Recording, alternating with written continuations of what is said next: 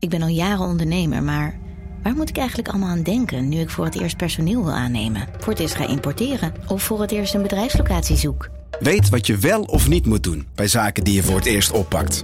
Check kvk.nl voor praktische stappenplannen. KVK, hou vast voor ondernemers. Al 125 jaar kwaliteit voor jou thuis met Miele. Dat vieren we met jou. Ontvang nu tijdelijk een cashback tot 125 euro op veel Miele-apparatuur. Geniet van de kwaliteit van Miele. Voor perfect verzorgd wasgoed en kleding die veel langer mooi blijft. Voor een stralend schone vaat, even perfect als jouw diners.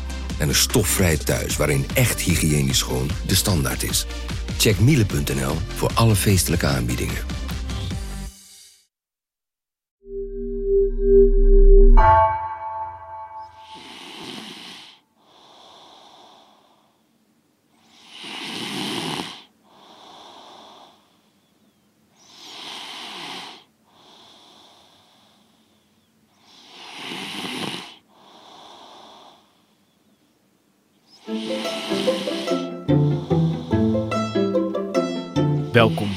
Wij zijn Onbehaarde Apen.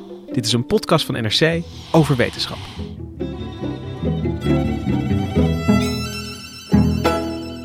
We kopen een duur matras, drinken nog een kopje kamillethee, doen oordopjes in en luisteren nog een podcast. Alles om de slaap een handje te helpen. En als we weer wakker worden, hopen we maar dat we die acht uur ongestoorde slaap hebben gehaald. Maar wat gebeurt er in de slaap? Waarom hebben we slaap nodig? En hoe belangrijk is die acht uur nu helemaal? Mijn naam is Lucas Brouwers en vandaag zit ik in de studio met Gemma Venhuizen en Hendrik Spiering. Hallo. Ik begin meteen te gapen zo.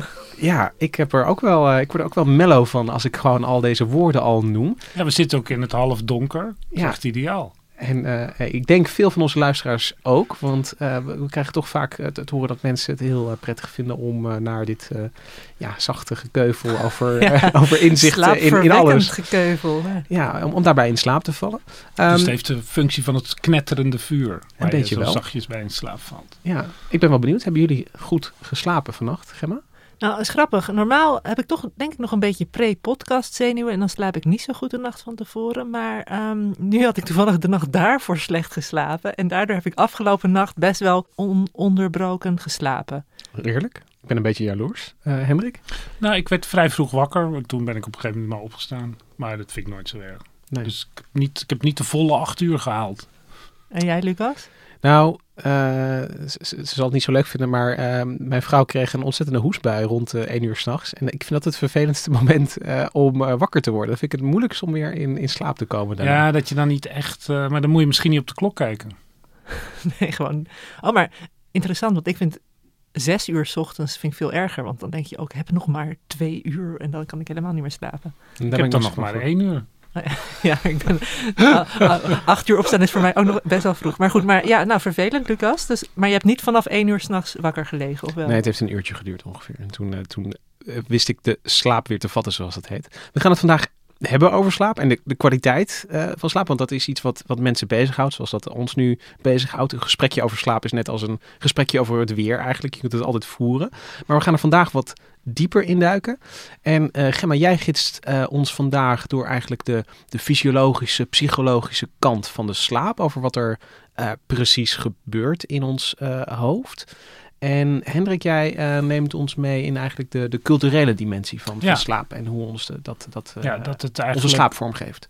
historisch en biologisch eigenlijk heel normaal is om even wakker te zijn en dan wat te doen. Dus je had ook wat nuttigs kunnen doen natuurlijk. Ik ben toch blijven liggen. Ja. Ehm, maar ik wil het eerst tot de basics eh, terugbrengen. Gemma, wat eh, gebeurt er in onze slaap? Ja, daar was ik ook benieuwd naar. En eh, toen ik onderzoek ging doen, allereerst kwam ik een enorme stapel boeken over slaap tegen. Dat is echt volgens mij, als je, kun je een hele bibliotheek mee vullen. Ehm, ik heb eh, me voor nu beperkt tot het boek Nachtrust eh, van Dalena van Heugden. Zij is eh, psycholoog aan de ehm, Universiteit van Maastricht. En ik heb een collega van haar gesproken, Marijn van der Laar. Die heeft ook een boek Slapen als een oermens ges- geschreven. En ehm, dan heb ik ook nog met Uis van Zomeren gesproken. En dat is wel ook een bekende naam vaak als het over slaap onderzoek gaat. Hij is verbonden aan het Nederlands Herseninstituut. En uh, bij het slaaplab, daar doen ze ook onderzoek naar slapeloosheid. Oftewel insomnia. En um, ja, eigenlijk die basics van slaap, deel zullen jullie misschien al wel over gehoord hebben, maar het is wel interessant om even te kijken hoe wij precies, als het eenmaal is gelukt om in slaap te vallen, wat er dan gebeurt. En allereerst heb je verschillende stadia. Je kunt praten van een slaapcyclus. En um, nou ja, het begint met een hele lichte slaap. Dat is soms nog zo'n half slaap, half waaktoestand. Ervaar je vast ook wel als je in bed ligt. Hè, en dat je dan uh, kun je nog makkelijk wakker schrikken. Of dan betrap je er zelf in zekere zin op van, oh, ik was even weggedoezeld, maar nog niet helemaal. Ja, ik heb dat ochtends ook wel als ik wakker word, dat je dan eigenlijk uh, je ineens realiseert dat je al uh, tien minuten wakker bent. Dat is ja. zo'n rare gewaarwording. Ja, dat, dat, dat, dus die, die, die, die allereerste lichte fase, dat, uh, fase 1, dat kun je ook nog wel zien. het wordt vaak met, met, met allemaal zuignappen op je, op je hoofd worden dan die verschillende stadia vastgesteld. En dat is dan wordt het langzaam aan, gaat het van hele hakkelige, korte golven naar iets tragere golven. je bedoelt de elektrische activiteit Ja, precies. Ja, op het uh, elektroencefalogram kun je dat dan zien, EEG. Uh, vervolgens is fase 2 iets dieper, iets tragere golven, ook iets langere golven. Um, en dan kom je bij fase 3, Uis van Zomeren die noemt dat, die vat dat samen als één fase. In het boek van Dalena van Heugden gaat het nog wel over fase 3 en 4. Uh, maar die worden vaak van oudsher de diepe slaap genoemd. En dat is dus dat die hersengolven eigenlijk op, zijn, op hun allerrustigst zijn. En dat je ook relatief moeilijk wakker wordt. Dat je hele lichaam ontspannen is. Hè? Alles wat je verwacht bij diepe slaap. Maar uh, ook die term diepe slaap, die zit alweer een beetje op de schopstoel. Want um, na die diepe slaap kom je in de remslaap. Die, die term, weten jullie waar die voor staat? Rapid eye movement. De, ja. Het snelle oogbewegingen. Ja, precies. De, de, de snelle oogbewegingen.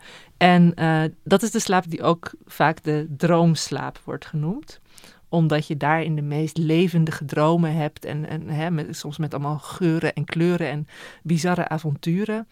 Maar wat steeds meer uit slaaponderzoek blijkt, is dat je tijdens die diepe slaap soms ook een beetje droomachtige ervaringen kunt hebben. Niet zo spannend en spectaculair, misschien maar wel, ja, wat ik zeg, droomachtig.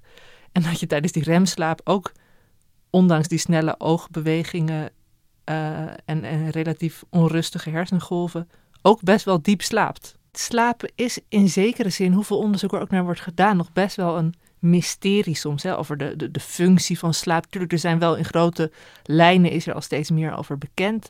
Maar dat, dat restje mysterie dat er aan kleeft, dat zie je ook terug in die onderdelen van, van, de, van de cyclus. Ja, en het is ook maar net waar je op let. Want die, uh, hersenactiviteit tijdens de droomslaap, die rem, die is eigenlijk vergelijkbaar met uh, het, uh, als je wakker bent. Ja, maar, maar, je lichaam is dan juist weer heel erg verlamd. Precies, dus, dus daaraan, qua lichaam lijkt je, lijkt je dan in diepe slaap te zijn, maar wat je zegt, je hersenen zijn dan super actief.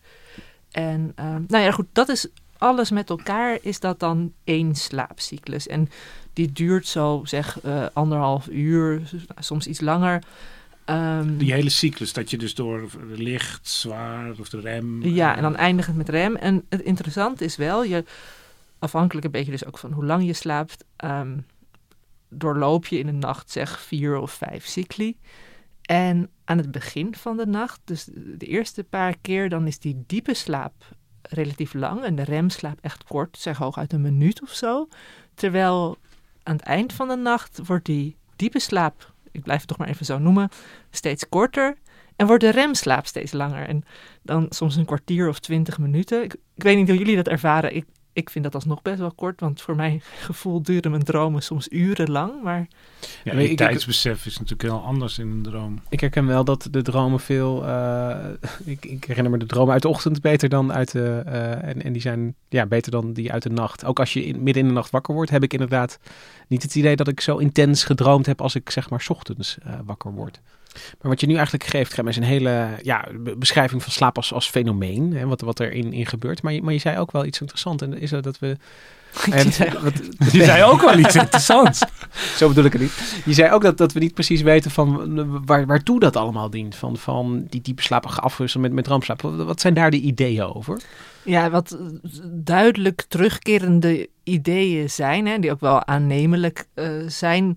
Dat is onder andere dat de slaap een, een soort periode van herstel is. Dus hè, overdag eh, ge- gebruikt je lichaam energie, eh, je hersenen zijn druk bezig en, en s'nachts kom je tot rust.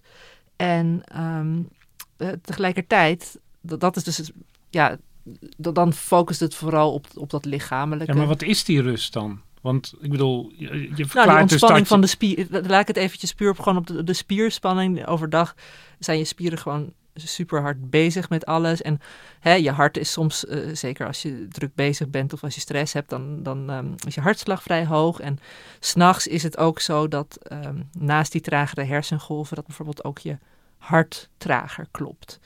Ehm, maar een andere, dat is wat meer op de informatieverwerking in je hoofd. En die gaat ervan uit van ja, overdag zijn je hersenen ook, ook heel actief en ontstaan er allerlei nieuwe verbindingen ook in je hersenen. Waar, die, die hoeven niet allemaal behouden te worden. Ehm, dus s'nachts wordt dan eigenlijk, ja, zeg maar, in je lichaam een deel van die verbindingen weer, weer afgebroken. En, en blijven de relevante verbindingen eh, overeind. Eh, Van Zomeren die omschreef het als een soort gummetje dat sommige verbindingen weer. Ja, een soort uitsortering of Ja. zo. Een, een, eigenlijk een soort eindafrekening van de dag. Eh, de, de indrukken worden, worden nog eens verwerkt en een, een, een, plekje gegeven of weggegooid. Ja, nou, je hebt naast die informatieverwerking eh, is er ook onderzoek gedaan naar emotieverwerking tijdens de slaap. En je hebt bijvoorbeeld het, het angstcentrum van de hersenen, de amygdala. Ehm, die amygdala die wordt normaal gesproken een beetje afgeremd of, of bijgestuurd door de prefrontale cortex. Maar uit onderzoek is gebleken dat bij mensen die niet goed slapen of die uit hun slaap worden gehouden, dat die remmende functie niet goed werkt. Dus dat het signaal dat vanuit dat angstcentrum komt veel hoger is en in die zin ook eh, kan leiden tot, tot, tot meer angstklachten. Overdag bedoel je? Ja, dus als je na een slechte nacht slaapt. Ik, ik merk dat bij mezelf gewoon ook wel dat ik bijvoorbeeld ook emotioneler ben als ik slecht heb geslapen. Dat ik minder goed kan relativeren overdag. Dus ik weet niet of jullie dat ook herkennen. Dat je, of wat sneller prikkelbaar, dat is natuurlijk weer iets anders. Maar dat wel dat je emoties in zekere zin. Ze na- liggen meer aan de oppervlakte, zou Ja, je kunnen zeggen. Ja, dat, Dat, dat, dat, tenminste, dat, eh, uit, niet- dat concludeer ik niet op basis van onderzoek, maar inderdaad Nee, op, maar op dat- basis van persoonlijke Ja. ervaring. Van, van, ja, dat, dat, ik denk dat ik dat wel herken. Van dat het moeilijker is om, om, dat, om irritatie bijvoorbeeld eh, inderdaad te, te, te verbergen als je echt slecht slaapt. Maar, maar dat doet me wel denken aan een soort andere eh, manier waarop je de, de functie van slaap eh, kan onderzoeken. En dat is, dat is namelijk door te kijken wat er gebeurt als je niet slaapt. Of niet goed slaapt in ieder geval. Dat, daarmee kun je misschien ook ja, afleiden wat de functie is van slaap. Dus, dus wat, wat weten we daarvan? Wat, wat gebeurt er als je nou ja, slaaptekort hebt of niet goed slaapt? Ja, nou, en dat is wel interessant, want ehm, dat, dat speelt voor een hele hoop mensen. Is uit verschillende onderzoeken lijkt dat één op de tien mensen, zeg maar, af en toe een poosje slecht slaapt. En één op de twintig echt met insomnia kampt. eh, dus echte slapeloosheid. En dat kun je dan definiëren als tenminste drie keer per week slecht slapen voor tenminste drie maanden. En ehm, slechte slaap is, is dan, is, eh, zegt dus meer iets eigenlijk over, over de kwaliteit van de slaap Ja. dan, dan over de duur per se. Ja, je kunt slechte slaap misschien ook dan wel lichte slaap noemen. En daarin, we hadden het net al even over die slaapcycli. Eh, bij slaaponderzoek wordt bijvoorbeeld ook wel gekeken wat er gebeurt als je iemand de hele tijd in die allereerste fase eh, van de slaap wakker maakt. Dus dat je iemand eigenlijk alleen maar hele lichte slaap toestaat. Nou, dan word je sowieso niet uitgerust wakker. Je moet zeggen als het, als nergens op slaat, Gemma, maar kan, het zo zijn dat die diepe slaap dan ook, ook een beetje voor de korte termijn is? Hè? Dus, dus voor dat, eh, ja, bijna fysieke, emotionele herstel van, van, van de hersenen, zodat je weer nou ja, goed uitgerust wakker bent. En, en staat daar dan tegenover die, die remslaap, die misschien voor de iets langere termijn is, voor die verwerking en vastlegging van indrukken en, en herinneringen? Of is dat, is dat een, een verzinsel van mij? Ja, in haar boek uh, noemt Dalena van Heugden dan ook weer verschillende theorieën. Dus dat is wel het domein van slaaponderzoek. Dat hangt wel van veel theorieën aan elkaar. Um, maar zij schrijft van uh, dat het dus inderdaad zo kan zijn dat ze remslaap en, en non-remslaap, zeg maar even, uh, belangrijk zijn voor het opslaan van verschillende type herinneringen. Hier zegt ze, als je mensen vroeg in de nacht wakker houdt, wanneer er vooral non-remslaap plaatsvindt, dan zie je dat de volgende dag het verbale leren achteruit gaat. En als je ze juist in de tweede helft van de nacht wakker houdt, dan zie je uh, vooral een verslechtering van de, de, de motorische vaardigheden bijvoorbeeld ook. Maar um, wat uh, zijn er eh, factoren aan te wijzen waar die, uh, nou, die we kunnen vermijden, waardoor we een beetje de regie kunnen krijgen over die, die kwaliteit van, van slaap, waardoor we, nou ja, waardoor we beter zouden kunnen slapen?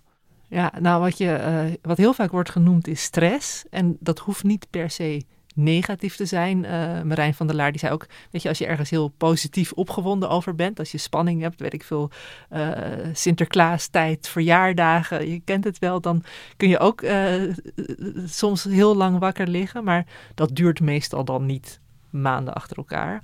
Maar negatieve stress, werkstress, ja, dat, dat kan je echt wel uit de slaap houden. Tegelijkertijd omgevingsfactoren, dus um, blauw licht wordt vaak genoemd. Dus eigenlijk ja, alle vormen van fel licht, en ook gewoon wit licht, dat bevat ook een, blauwige component. En dat zijn juist wel, dat is de golflengte die ook het meest dan inwerkt op je brein. Um, maar ook, uh, Van der Laar die noemt dat te weinig slaapdruk. Uh, je lichaam moet wel in zekere zin een soort van zich moe genoeg voelen om s'avonds te slapen. En dat is dus het gevaar dat um, hij heeft uh, tijdens zijn promotie ook onderzoek gedaan naar de slaapduur van, me van mensen die slecht slapen. En het blijkt dat slapelozen uh, gemiddeld zoiets van 9 of 9,5 uur in bed liggen. Dat slapen dus Wanhopig. Niet... Ja, maar dat, ze blijven dus lang in bed liggen. Ik, ik merk dat zelf ook, zeker in een periode dat ik slecht slaap, dat ik dan ook de neiging heb om heel erg uit te slapen. En dat werkt dus juist averechts, want dan komt s'avonds dat, dat moeheidsgevoel ook, ook weer niet op gang.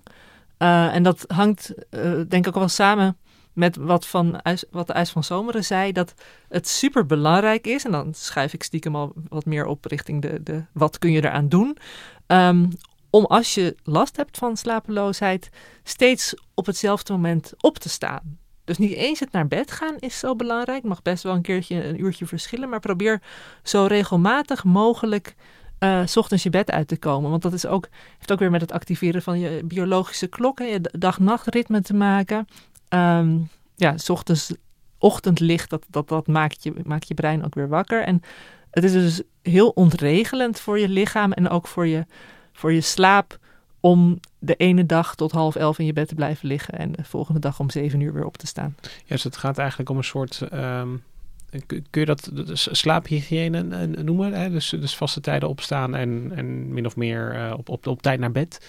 Ja. Um, om, om ervoor te zorgen dat je gewoon uh, uh, inderdaad, dat je, dat je s'avonds weer moe genoeg bent om weer in slaap te vallen. Ja, ja, ja dat, nou wil ik er wel aan toevoegen dat slaaphygiëne of hè, het, het, het, het slaapgewoontes, dat is niet de heilige graal voor het oplossen van slaapproblemen. In die zin dat het is deels ook wel genetisch bepaald of je een, een, slechte slaper bent. Het lijkt, er lijkt onderzoek wel een beetje op te wijzen dat mensen die uh, veel, ja, die een onveilige jeugd hebben gekend, zeg maar, dat die een soort alerter gevoel hebben. En als je de hele tijd super alert bent, um, dat hoeft dan dus niet een soort van hele reële acute stress te zijn, maar dat het wel toch ook s'nachts um, blijvend zorgt voor een lichtere slaap. Laat ik het zo zeggen, het is niet zo dat iedereen die lijdt aan insomnia gewoon niet de regels van geen cafeïne en geen blauw licht voor het slapen gaan nee. niet opvolgt. Nee, er is natuurlijk een, een, bepaalde bandbreedte waarin er iets te doen is en, en, en andere factoren waar je minder de regie over hebt eigenlijk. Ja, maar... Dus, dus, je, dus je hoeft je ook niet per se meteen heel, heel slecht te voelen als het, als, het, als het niet lukt of als het, of als het moeilijk is. Ook al leef je de gezonde leefregels na eigenlijk. Ja, maar dat gezegd hebbende, dat ook wel weer troostrijk zijn om te weten dat er ook bepaalde dingen zijn die je nog wel kunt proberen. Um, Lucas, jij noemde in het begin, ik ben wel benieuwd, gebruiken jullie oordopjes of niet? Nee, nee. Maar wel, eh, we- wel saaie podcasts gebruiken we. Dus, dus, dus dat, Ja. zet- dat zetten we gewoon eh, Ja, aan. ja, ja, als ik niet kan slapen, dan... Ik heb jarenlang naar de BBC World Service geluisterd, maar die hebben nou te emotionele programma's s'nachts. En nu heb ik eh, de, eh, een Duitse zender ontdekt. En die Duitsers die praten altijd rustig. Dat is heel opvallend. Ik durf het bijna niet te zeggen, maar wij luisteren podcasts waarbij mensen dan eh, hardop een, een, eh, hun bordspelletje spelen en dan gewoon heel kalm vertellen van ja, nu, nu speel ik dit kaartje. God, ik voel me al helemaal wegzakken. Ja, ik ook zo meteen vallen we hier ter plekke in slaan. Nou, maar dat is wel grappig wat jullie zeggen. Want voor mij, het is echt gewoon een soort schrikbeeld als ik met een podcast op de achtergrond in slaap zou moeten vallen. Want ik zou toch de hele tijd het willen blijven volgen. Ja, maar het moet dus niet te interessant zijn. Nee, nee maar het is wel op zich geluid. En dan vooral dat monotone, wat, wat jij ook al een beetje noemt, Lucas. Eh, dat merk je ook terug dat veel mensen die met slaapproblemen kampen, die hebben ook baat bij white noise. Hè? Dus een beetje dat, dat continue geruis. Of eh, bijvoorbeeld een rivier, dat eh, ehm, maakt het, het continue geluid van stromend water kan helpen. Ehm, maar ik wilde nog even over die oordopjes. Want ik slaap met oordopjes en met een slaapmasker in. Maar het stomme is dat ik dat ook doe op het moment dat het gewoon heel stil is in mijn omgeving. En op het moment dat het heel donker is in mijn omgeving. Dus ja, het, zijn je voor, bent het gewend natuurlijk. het zijn een soort bedtijdrituelen. Van Zomeren zelf, die zei ook al dat hij al decennia met oordopjes inslaapt. Een slaaponderzoeker nota bene. En hij zei, ik kom er gewoon niet meer vanaf. Dus die rituelen, dat is om jezelf in een ontspannen toestand te brengen. En voor de een is dat ehm, ja, op je ademhaling letten kan natuurlijk ook. Een knuffel slapen, ehm, verhaaltje voorlezen voor het slapen gaan. Als je in die zin soort van kun je een Pavlov-reactie bij jezelf creëren. Andersom werkt dat helaas ook. Als je s'nachts heel vaak wakker ligt in je slaapkamer of in je bed, dan, dan kun je die omgeving met slapeloosheid gaan associëren. Dus dan is het juist weer beter om even je bed uit te Ja. gaan en even naar de huiskamer te gaan. Ja, daar kwam ik ook tegen. Dat als je s'nachts langer dan eh 20 minuten wakker ligt, wat trouwens heel moeilijk is om te bepalen als je niet op de klok kijkt. Want je, je, je tijdsgevoel is vaak eh, weg. Dan En moet Een je wekkertje zetten is ook niet handig. piep piep.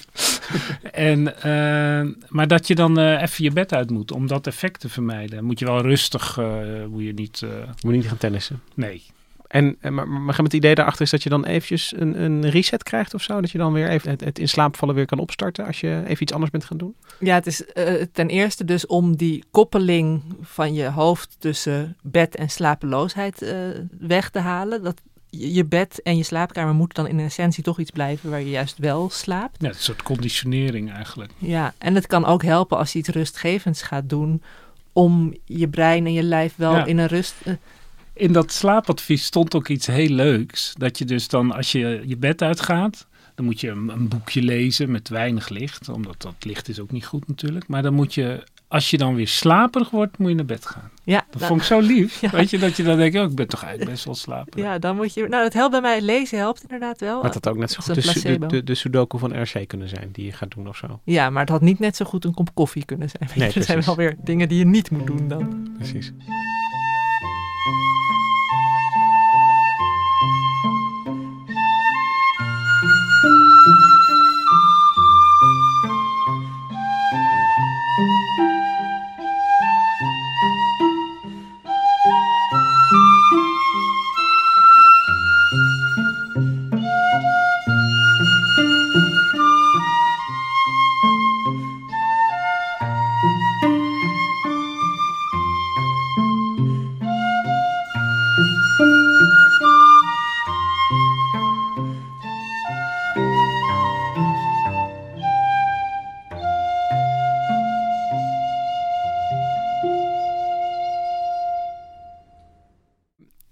Ik word nu wel nieuwsgierig, want we hebben het nu over eh, slaap alsof dat een ja, vaststaand eh, gegeven is met, met, patronen en ritmes. En nu, nu, is dat voor die slaapcycli ongetwijfeld zo.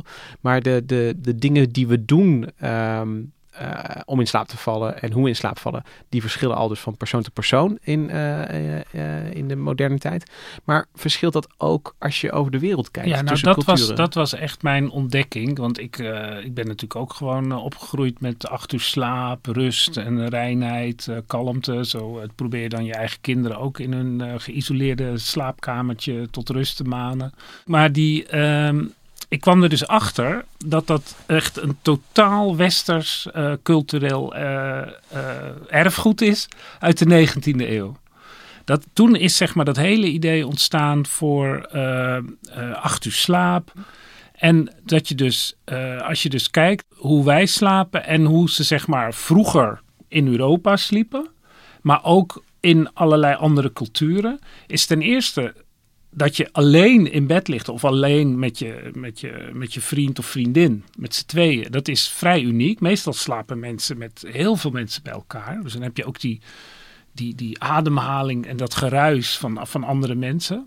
Mhm. Maar buiten dat westerse patroon is het lawaaiig. Dus die, uh, bijvoorbeeld een vuur wat ligt te knapperen. Als je het hebt over jagers-verzamelaars. Of, of, ze slapen buiten met alle geluiden van de wind. Ze, ze liggen niet op matrassen. En er is er is dus altijd beweging. Er zijn zelfs in culturen bij de Aboriginals en, en, en bosjesmannen in, in de Kalahari-woestijn. Is, dat, is, dat is allemaal vrij recent onderzocht. En dan blijkt dus dat het eigenlijk. Dan werden mensen wakker gemaakt van, nou, we willen wat zeggen. Nou, dat is allemaal heel normaal. En dan werden ze niet chagrijnig. Nee, nee, want wij zijn zo geïndoctrineerd, zou je bijna zeggen. En we kunnen ook niet meer anders. Het een is ook niet beter dan het ander. Maar wij hebben een hele strikte scheiding tussen slaap en niet slapen. Ja, maar dat hangt ook weer samen met die gewenning, denk ik. Hè? Ik bedoel, van, eh, zij hadden dan van jongs af aan, als je gewoon van jongs af aan al leert om op de grond te slapen, met allemaal mensen om je heen en af en toe wakker gemaakt te worden. Ja, precies. Dan is dat een stuk fijner dan als je dat op je 36ste opeens nog moet leren. Het interessante is dat wij ook allemaal langer slapen dan wat er bekend is uit andere culturen. Of bijvoorbeeld uit de 18e eeuw. Want wat is daarover bekend? Want dat lijkt me nogal... Bedoel, er was in de 18e eeuw nog geen, geen slaaplamp. Nee, er, is, er zijn recentelijk onderzoeken geweest bij uh, allerlei uh, traditionele samenlevingen... waarin ze daadwerkelijk met, met gadgets zijn uitgerust om hun bewegingen en zo te meten. Maar dat kan je natuurlijk in de 16e eeuw kan je dat niet meer doen. En er is dus een uh, ontzettend uh, uh, interessante historicus, Roger Eckert. Uh, die heeft in de, uh, zo rond 2000 heeft hij een aantal artikelen en een boek geschreven. En hij schrijft er nog steeds over.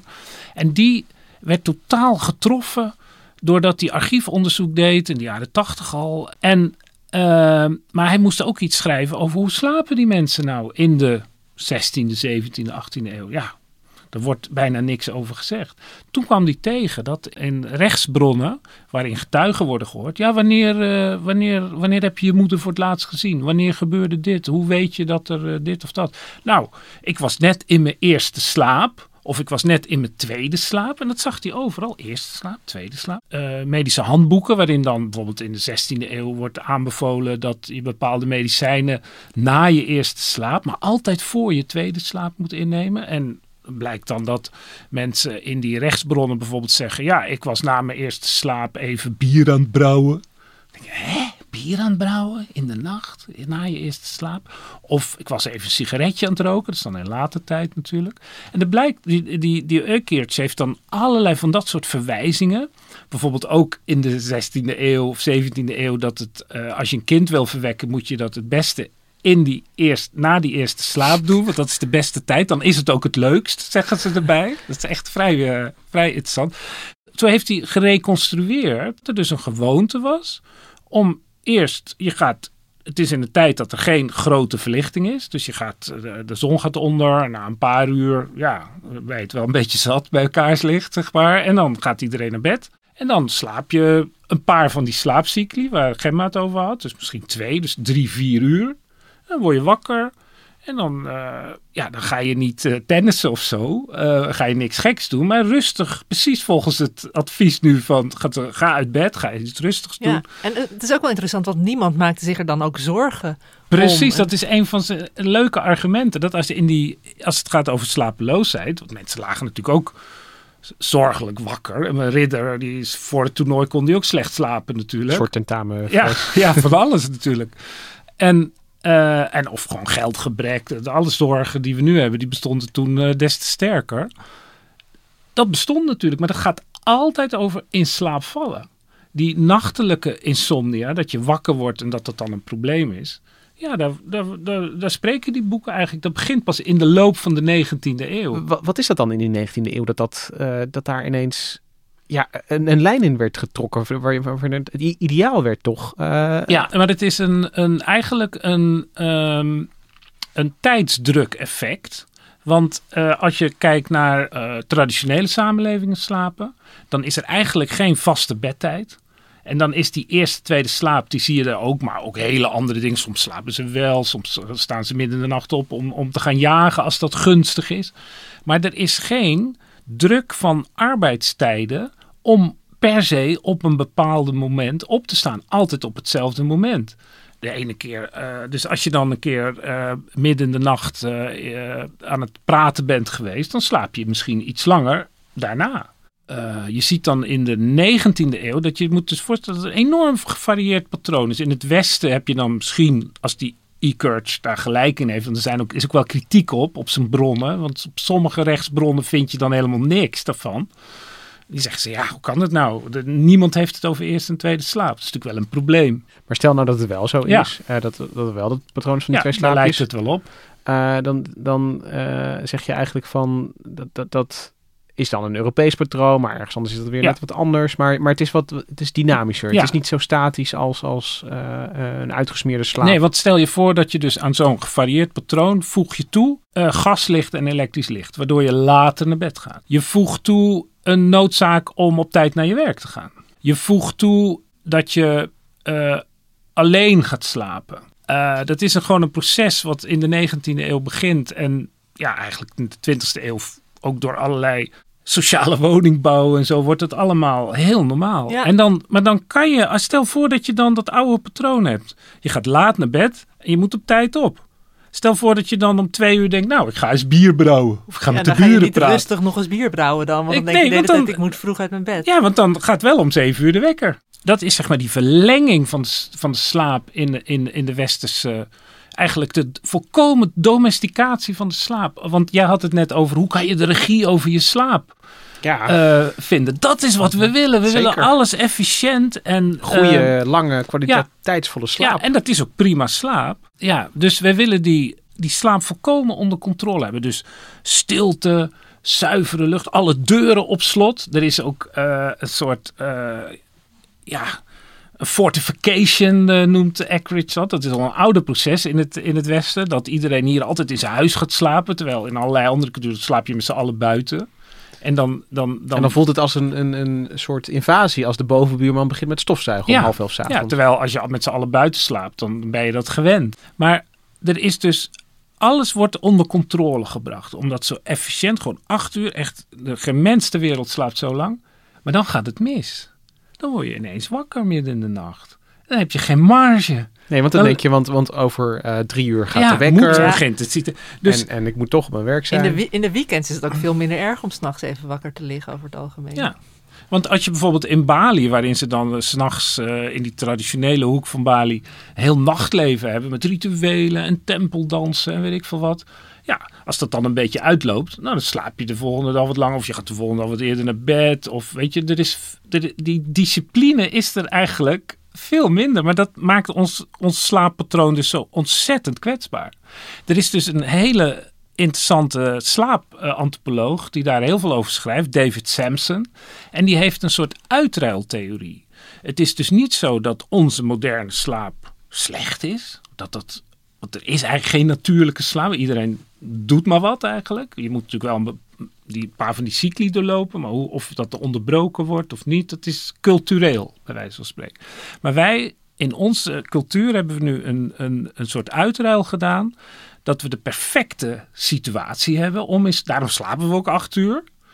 Maar dat gaat ten koste van een soort Flexibiliteit? flexibiliteit. En, en je hebt dat, daar hebben we het nog niet over gehad, maar je hebt dat bioritme, wat je, waardoor je dus, daar moet je, dat was Ja. ook het advies dat je op tijd opstaat, want anders, en je moet dan op de Ja, juiste en- en- en momenten licht licht in de binnen- ochtend. Ja.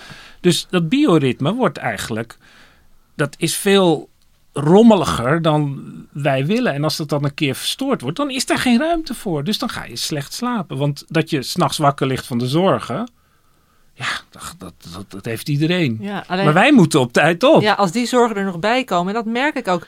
Ik, tegenwoordig, als ik s'nachts wakker lig, ehm, probeer ik gewoon tegen mezelf te zeggen van nou oké, ik, ik blijf gewoon lekker rustig liggen in mijn bed. En dan, dan ga ik niet meer in slaap vallen. Ja. Maar dan mag ik gewoon nog lekker Ja. twee uur of weet ik veel, tot over hoeveel tijd de wekker gaat, mag ik nog die periode blijven liggen. En eh 9 van de 10 keer val ik dan juist Ja, in precies. slaap. En die, die e-coach heeft ook een heel leuk, eh, die vertelde me, want ik had hem, ik had hem eh, gebeld. En die vertelde ook van ja, er is een Australische slaapcentrum. En die gebruiken mijn theorieën om mensen gerust te stellen. Het is helemaal niet erg als je midden in de nacht wakker Nee, dat wordt. deden de Europeanen in de dat 17e is heel normaal. Het is een heel oud patroon. Dat is Ja. volkomen normaal. Waardoor je dus die, die angel eruit haalt. Van, oh, het moet per se. Dus als je wat relaxter, dat is dus ook wat alle slaapdeskundigen zeggen. Als je wat relaxter over je slaapprobleem bent, dan los je al de helft op. Het is Interessant. natuurlijk niet En- en- voor extreme problemen, want die zijn er natuurlijk ook. Dat snap ik ook wel. Maar het is dus ook niet zo dat eh, dat Europese slaappatroon van, van drie eeuwen terug, als dat inderdaad zo zou zijn, dat dat nou de, de natuurlijke Nee. oerversie is. Het is niet zo dat ehm, eh, bij een vuur slapen, dat dat nou de vorm van slaap is. Maar slaap is eigenlijk een, een kneedbaar, flexibel systeem. Ja. Ehm, eh, Het is een intent, en dat is zo leuk als je die recente literatuur, dat is, denk misschien wel door die e-coach ook gekomen, omdat hij, hij, hij is eigenlijk een van de weinigen die dat historisch onderzoekt. En dat er dus veel onderzoeken zijn waarin het als een volkomen cultureel iets wordt beschouwd. Want vroeger werd er gedacht, ja, nou je bent er niet, dus dat is niet interessant. En mensen schrijven er natuurlijk ook niet veel over. En, en, eh, maar nu worden dus heel veel die sociale patronen bij, bij aboriginals, waar dan een onderzoekster gewoon maandenlang sliep en steeds beter ging slapen. Want dan sliepen ze buiten in vrij ritueel geordende cohorten, bepaalde volgorde. En zij zegt dan van ja, we zoeken allemaal veiligheid in de slaap. Wat is veiligheid in de slaap? Wij hebben wat die Ickert dus noemt de domestic fortification.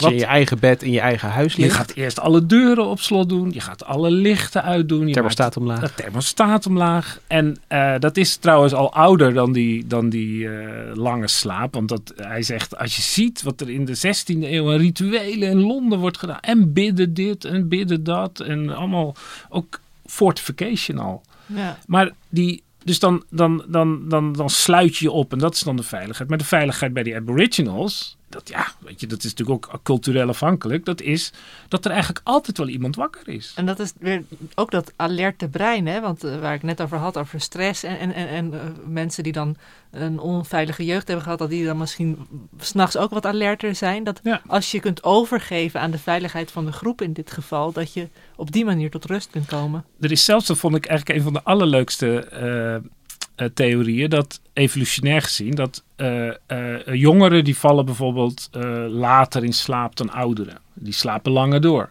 Oudere mensen zijn weer vroeg in de nacht alweer wat wakkerder. En eh, als je dat allemaal zo bekijkt, dan is het zeg maar in een Mm. natuurlijk samengestelde groep, waar je ook allerlei individuele variatie, eigenlijk altijd wel iemand die op een natuurlijke wijze wakker is. Grappig.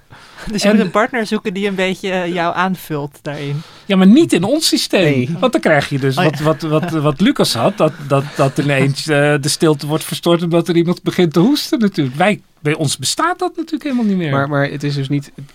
Als je het gewoon internationaal, cultureel divers bekijkt, dan is, is die hoestende persoon in de nacht ook helemaal geen probleem eigenlijk. Want er wordt ineens stuk doorgehoest Ja. natuurlijk. En, en, je- dat, dat ik daar zo'n last van heb, dat is, dat is omdat ik aan, aan, aan dat, dat westerse ideaal van die stille slaapkamer. eh, dat, daar slaap je natuurlijk ook perfect. maar maar het, het westerse systeem is dus wel een, een, eh, een slaapsysteem onder druk. Weet je, we, we hebben de marges hebben we er een, een beetje uitgehaald. Ik, ik ben een beetje op, op zoek van, van, omdat je net zei van. Ehm, die slaap wordt internationaal, cultureel ook, ook niet zo super interessant gevonden. Mensen doen het gewoon. En Nou, wat, wat ik hier aan het begin zei. iedereen maakt zijn eigen ding ervan. Ja, precies. Maar, maar ik bedoel, hier is het meer een kwestie of je goed Ja, geslapen hebt dus- of niet. maar dat, dat is is- dus door dat- ons, ons, ons maatschappelijk cultureel systeem zo Ja, belangrijk. ook- nee, maar ook omdat er geen...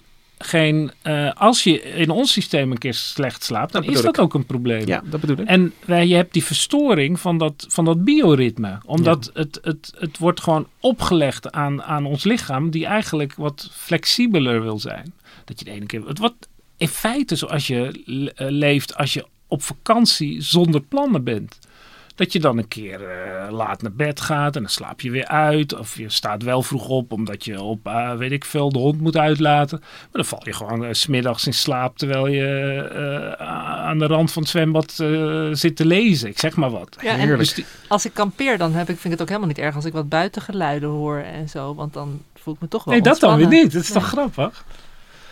Ik vind het wel een hele mooie inkijkje in zeg maar hoe, hoe we inderdaad de slaap hebben proberen te temmen. Want jij zei we hebben de slaap eigenlijk gedomesticeerd. Ja. Maar dat keert zich dus af en toe tegen ons als je, nou ja, als, als, Ja. als, je, als je dus de slaap niet weet te vatten en je daar juist over begint te Ja, maar ook en- dat je dus die, de- dat je wakker wordt omdat Ja. je dat bio. Dus je moet dan, dat, dat lees je dan ook. En dat, dat zijn allemaal hele gedetailleerde gedachten over therapie en zo. Je moet dus die, die slaapproblemen oplossen met deze kennis. Dat dus ook niet zaligmakend is om op één manier te slapen. Nee, dus je, voor wie de slaap niet kan vatten, is dus de, de troostende gedachte van dat is ook niet erg. Ehm, eh, de Aboriginals, die worden ook wakker in de Ja. nacht. 300 Ja, jaar geleden begin- werden ze wakker in de nacht. Ja, die maken dan ook iemand wakker als ze iets tegen hem willen zeggen. Ja, ik weet niet of mensen dat thuis moeten uitproberen met hun. eh, met Maar er is ook een andere kant. Als ik, als ik dus met jou s'avonds, ik denk niet dat het overdag heel erg speelt, maar het zou ook kunnen. Met jou een gesprek aan het voeren ben, maar ik, ik, ik wil een beetje afhaken. Dan val je gewoon in slaap. Oh ja. Als je Nou, heel, ik lang, heel lang stil bent, is ook een Pro- teken. Maar, Probeer dat eens op kantoor te doen. maar het is wel, oké, dan moeten de luisteraars niet hun, hun bedpartner wakker maken. Maar wij zijn er wel altijd voor. Dus ze kunnen gewoon de hele nacht natuurlijk naar Onbaarde Apen luisteren. Ja, ik, ik wil de luisteraars in ieder geval feliciteren die het eind hebben gehaald van, van deze En podcast. anders goedemorgen. Ja. Ja, en aan alle afhakers die op avond 2 proberen verder te komen, welkom. Eh, dit is het einde eh, van eh, deze aflevering. Ontzettend eh, bedankt eh, Gemma en Hendrik dat jullie ons hier over de, nou ja, toch de, de, de geheimen eh, van de slaap kwam vertellen. Wij zijn er volgende week weer. Rosa van Toledo en Celine Cornelis bedankt voor de productie van deze aflevering. De muziek die je hoort, die is gespeeld door het Dudok Quartet. Wel trusten. Slaap lekker.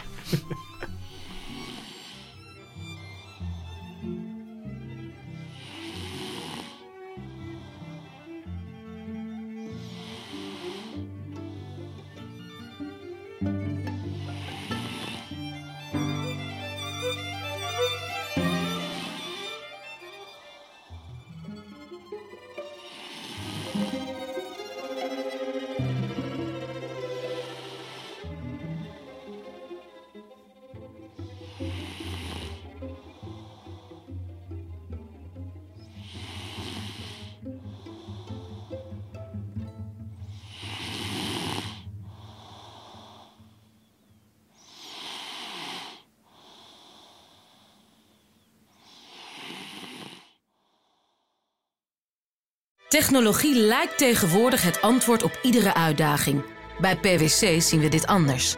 Als we de potentie van technologie willen benutten, kunnen we niet zonder een menselijk perspectief. Human-led, tech-powered noemen we dat. Ga naar pwc.nl.